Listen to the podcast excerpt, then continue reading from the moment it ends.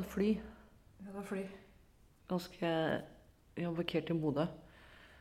Ganske tidlig morgenfly Mm. fra Bodø og til Røst. Det var flaks for oss at vi omtrent så på en campingplass på flyplassen. Ja. Og så var det jo et bitte lite Widerøe-fly. Et bitte lite Widerøe-fly. Eh, og så er det mulig vi er nødt til å poste et veldig morsomt bilde fra den flyturen hvor det ser ut som vi nesten er døde, Ja. På Instagram. Hun sitter jo sånn veldig sånn dårlig munnbind. Ja, og er veldig Og smale øyne. Ja.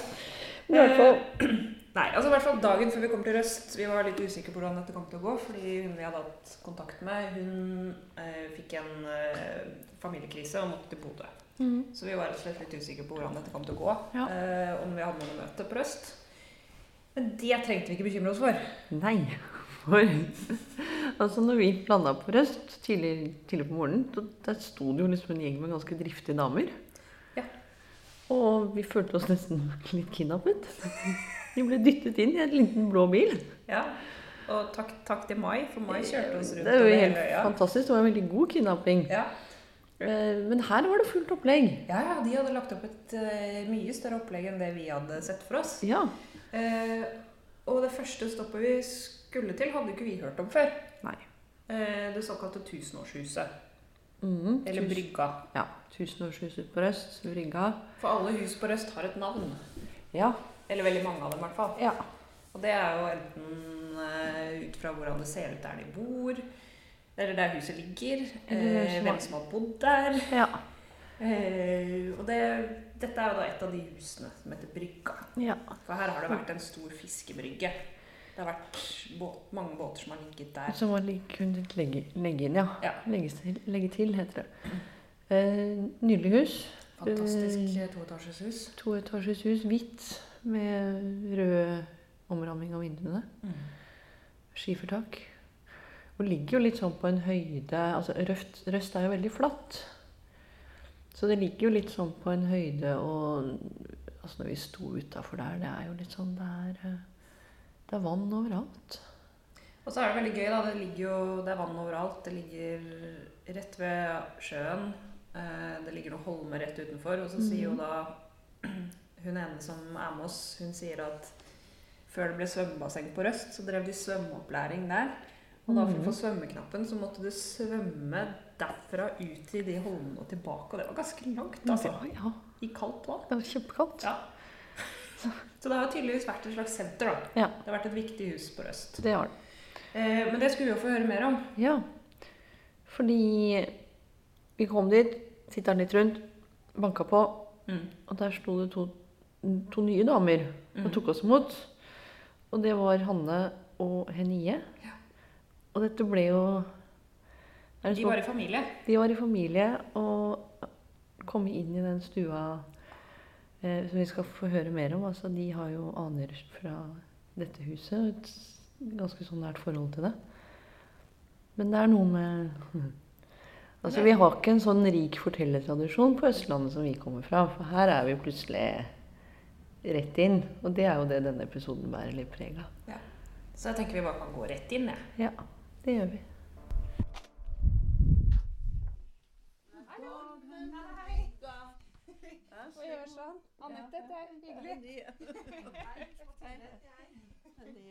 Og det her har vært hovedsenteret på Røst.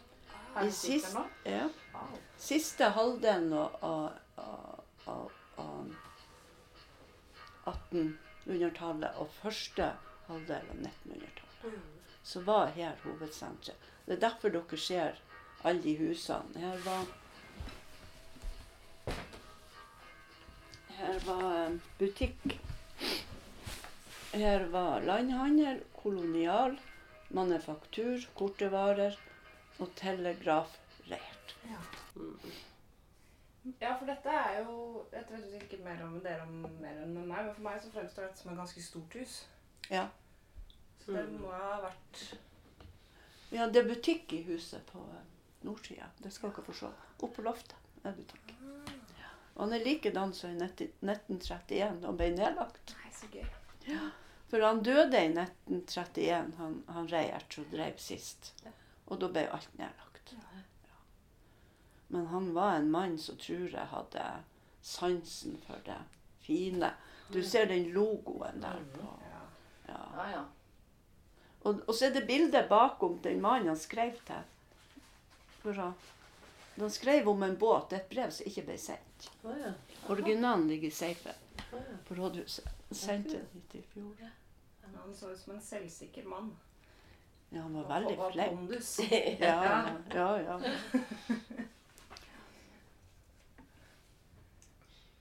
Å ja. Ja. Det var ikke noe forsiktig i det blikket. Nei. Nei. Glassblikk over en stor bart ja. Mm. med, som er, som er Mm. frisert. Ja. Mm. Han ser ut som væreier- væreierne gjorde i den tida. Mm. De var selvsikre, for de hadde makta. Ja. De hadde makt over alle. Mm. De sa det at eh, de, tjent, de drev jo fiske og tjente penger. Og så når de da ble blakk ut på Først på høsten eller noe sånt, så krita de jo. Ja. Og da hadde han jo all makta. Han hadde kanskje del i båtene deres òg. Det vet jeg. Det er så mange historier om store væreiere. Ja, Alle, alle, hel, langs hele kysten. ja, det er jo det langs hele kysten. Men jeg forsto det på Einar som at her ute altså her ute så var det flere væreiere. Ja. Mens inne i Lofoten for eksempel, så var det mange færre, og de hadde jo nødvendigvis så mye mer makt. Mm. ja. Um, det var Um, mer fordelt, da. ja. Her var det Når jeg vokste opp, så var det 14 fiskebruk. Da tenkte dere til det. Mm. Så de var ikke så store. Hvor mange er det nå? Fire, Ah, ja, noe sånt. Fire eller fem. Fire, kanskje. fem. Men vi har vært litt inne på det i bruddstykker. Men, men du kan fortelle litt mer om historien til Ja. dette huset og denne plassen? Ja. Han, eh, Jakob Kristian som så bildet, han var født i 1836. Så omkring 1860 tror vi at huset er bygd. Jeg tror det er bygd tidligere. Eller den eldste delen. Og han var jo en veldig aktiv mann. Han var kirketjener nesten til sin død. Han døde da 85 år, i 21. Og han, eh, han var politiker, aktiv politiker. Han eh, fant en grunne bakom eh, flyplassen som heter Steingrunn. Og det blir jo på yttersida av øya. Før så fiska de bare på innersida av øya. Og der på Steingrunn er det masse, masse fisk. Og folk begynte å få fisk, og de begynte å bli rikere på en måte. ja. Og der fisker de den dag i dag. Og der er det masse fisk. Og så var det et forlis, stort forlis utfor her en plass. Så de satt på kvelvet. Så han bare seila over, liksom, så dro han. Berga han folk på den. Hvis For det fikk han eh, kongens fortjenstmedalje. Oh, ja, så henger det. Som Det er den, er det den som henger der? Ja. Det er en av de historie- historiene som jeg hørte om av Jakob Kristian i, i min barndom. og Det var det at han fikk kongens fortjenstmedalje, at han, at han eh, berga en masse folk på sjøen, og at han var veldig stor og sterk. Ja. Han, han store Jakob. ja. Det er han i, Er det ja, du ser det på Ja, bildet. han er stor. ja, skremte 20-guttene fra Bergen når de skulle slåss Ja, med det må du kaia. Ja, det må du se.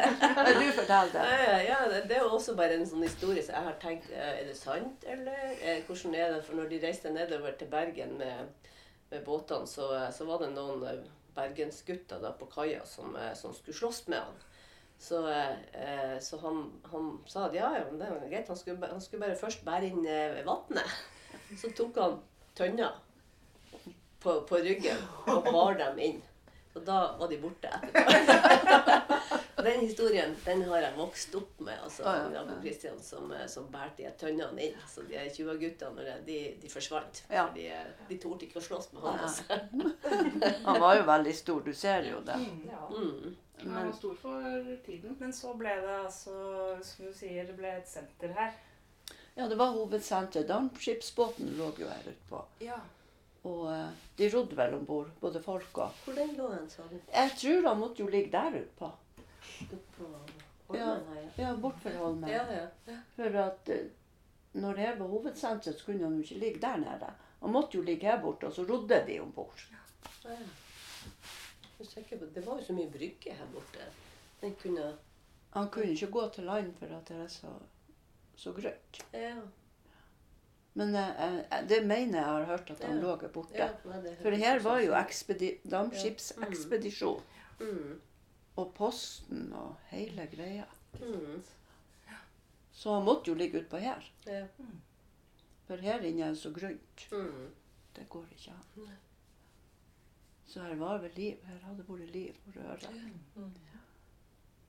Men om de kjøpte fisk, har du hørt det, Hanne? Nei, det har jeg ikke hørt. Nei. De hadde i hvert fall båter. Mm. Ja, det hadde de. Ja. Mm.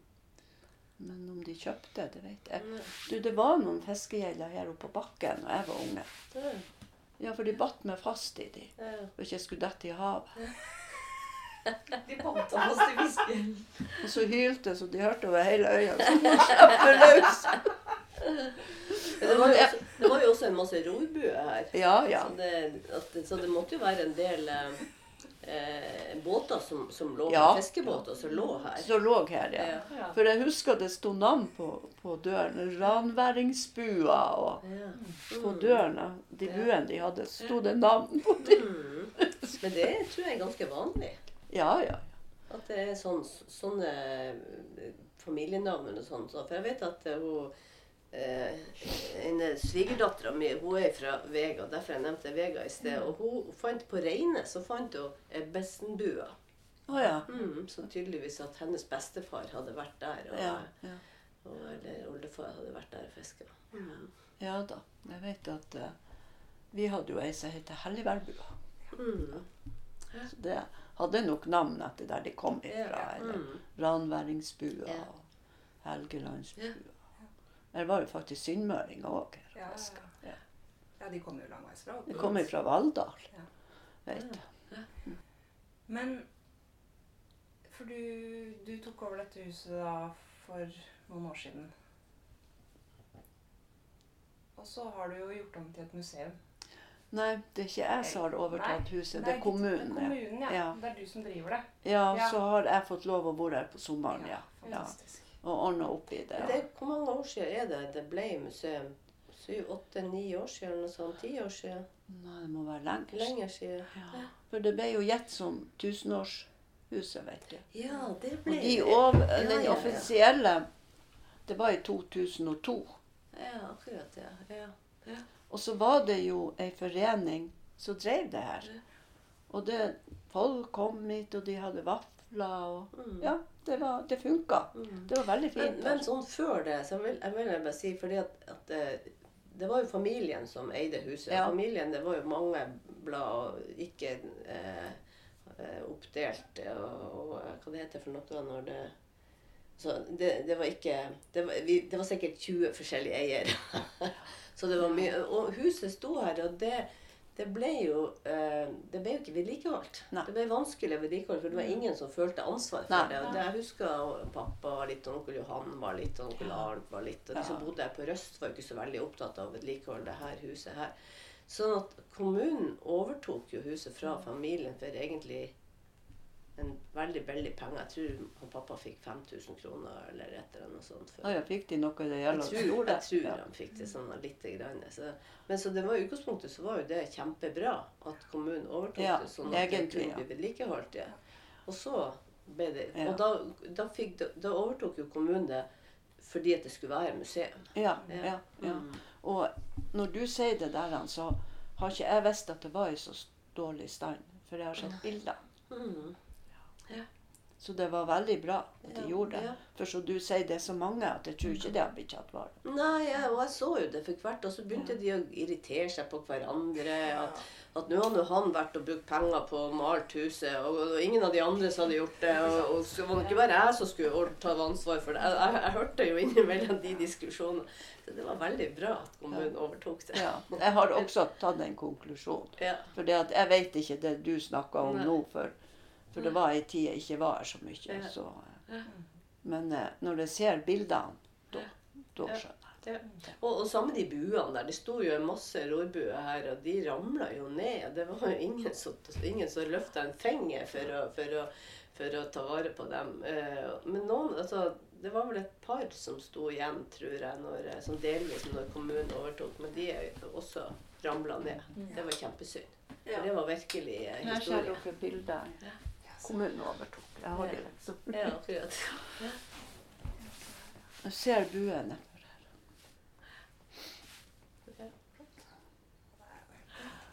Ja.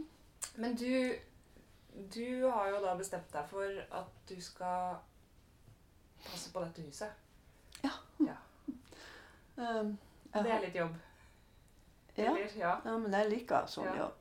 Jeg, eh, når jeg ble pensjonist, så hadde, Jeg jeg, jeg kan begynne fra begynnelsen, at jeg begynte her. Det var fordi at det er de siste som er født i huset her. Og da jeg hadde 70-årsdag for to år siden, så for jeg hit og spurte om jeg kunne få feire bursdagen min her. Og da sto huset brakk. Det så ikke ut. Det har stått sånn i flere år. Og jeg måtte ja, prate fint for å komme inn her. For det, det er vel noen i familien som hadde klaga for at huset ikke var tatt vare på ordentlig. Og så fikk jeg komme inn hit. Så jeg og ei venninne vi brukte tre uker for å få huset i stand, så vi kunne holde bursdag her. Og det var Første dagen hadde vi familien, og andre dagen så ba jeg sånne venner. Og eh, siden så har det vært fullt hus. Vi hadde allsang på brygga, og jeg satt bare på Facebook, så kom de. Og i fjor det var fullt hele tida. Masse folk. Vi- Så, så vi har tatt huset tilbake på en måte. Og jeg trives kjempegodt her. Og jeg, Det er Ja. fantastisk. Men du er faktisk født her? er den siste som er født i huset her. Ja, Det er jo det er Så du nok har det. og vokst opp her. Delvis, ja. Delvis, ja. ja. Delvis. Ja, det er så gode energier her. Altså, sitte med morgenkaffen Ja.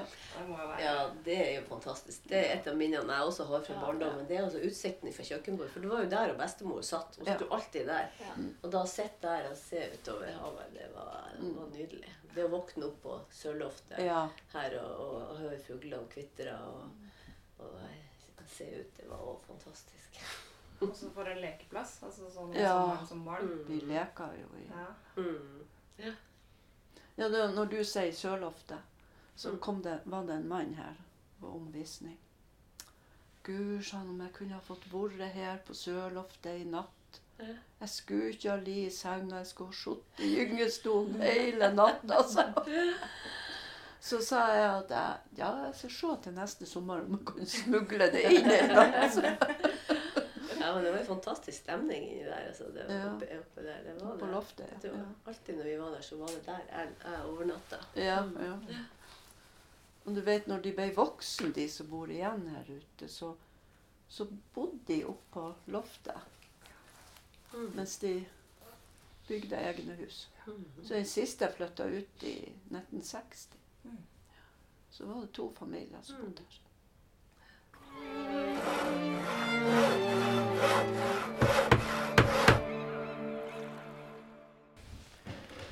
Altså ble flyttet fra på 60-tallet. Men det er jo fantastisk å se eh, hus som har stått tom, tomme så lenge, få nytt liv. Ja.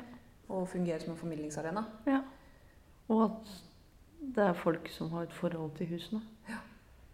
Fordi, som Henie nevner her, hun var jo det siste barnet som ble født i det huset. Mhm. Og sånn sett veldig stas å få sitte og snakke med dem mm. der inne. Det var litt sånn tidsreise å komme inn der. Veldig. For vet ikke, Hvis vi skal tidfeste det, så er vi vel mye 50-60-tallet i møblement og klokkestrenger og, og sånt som henger på veggen. Vi tror det, ja. Ja, Samtidig som det jo også gikk helt tilbake til ja, altså kongen, Den der kongens fortjenestemedalje hang jo der. Den redningsdåden. Bilder. Ja. Tenker jeg uansett, altså det er noe med Vi har jo ikke, eller vi, i hvert fall ikke jeg, og det tenker jeg kanskje er et Østlandet-fenomen, det er jo ikke denne fortellertradisjonen som vi nå møter mer og mer av. Mm. Og besøket på brygga var jo det i aller høyeste grad. Ja, det er en veldig helt annen måte å fortelle på. Det er fantastisk. Ja, Det er det. Men eh, Hva for noe? Men vi skulle jo ikke så langt. Nei, fordi at neste Vi skulle jo gjøre flere opptak, vi på Røst. Og det var jo egentlig bare å gå over gjerdet. Og så var vi på neste lokalitet for oss. Vi treffer Karianne, som driver som bonde på Røst. Sauebonde. Mm. Og det Det ble egentlig en veldig sånn Egentlig litt overraskende innhold på den episoden. Er litt øyeåpner. Ja, fordi hun var jo veldig opptatt av liksom eh, kultur, kulturmiljø. Naturen. Hvordan vi bruker og drifter naturen i henhold til å ta vare på et kulturlandskap. Ikke sant? Og med hvordan kulturlandskap og kulturminner er en del av en helhet som er helt avhengig av hverandre. Så det var kjempeinteressant. Så uten å si så mye mer om den episoden egentlig nå, så tenker jeg det bare er å følge med neste episode og høre mer om hvordan Karianne lever på Røst. Mm. Og hvordan den jobben hun og ikke minst dyra hennes eh, gjør, er viktig for kulturlandskapet på Røst. Helt riktig. Om hus og folk er et samarbeid mellom Fortidsminneforeningen og Bygg og Bar. Jeg heter Anette Ramstad. Og jeg heter Mathilde Sprovin. Følg neste episode der vi drar videre i Norges land på jakt etter spennende hus og folk. Neste stopp Rett over gjerdet til Karianne. på Røst.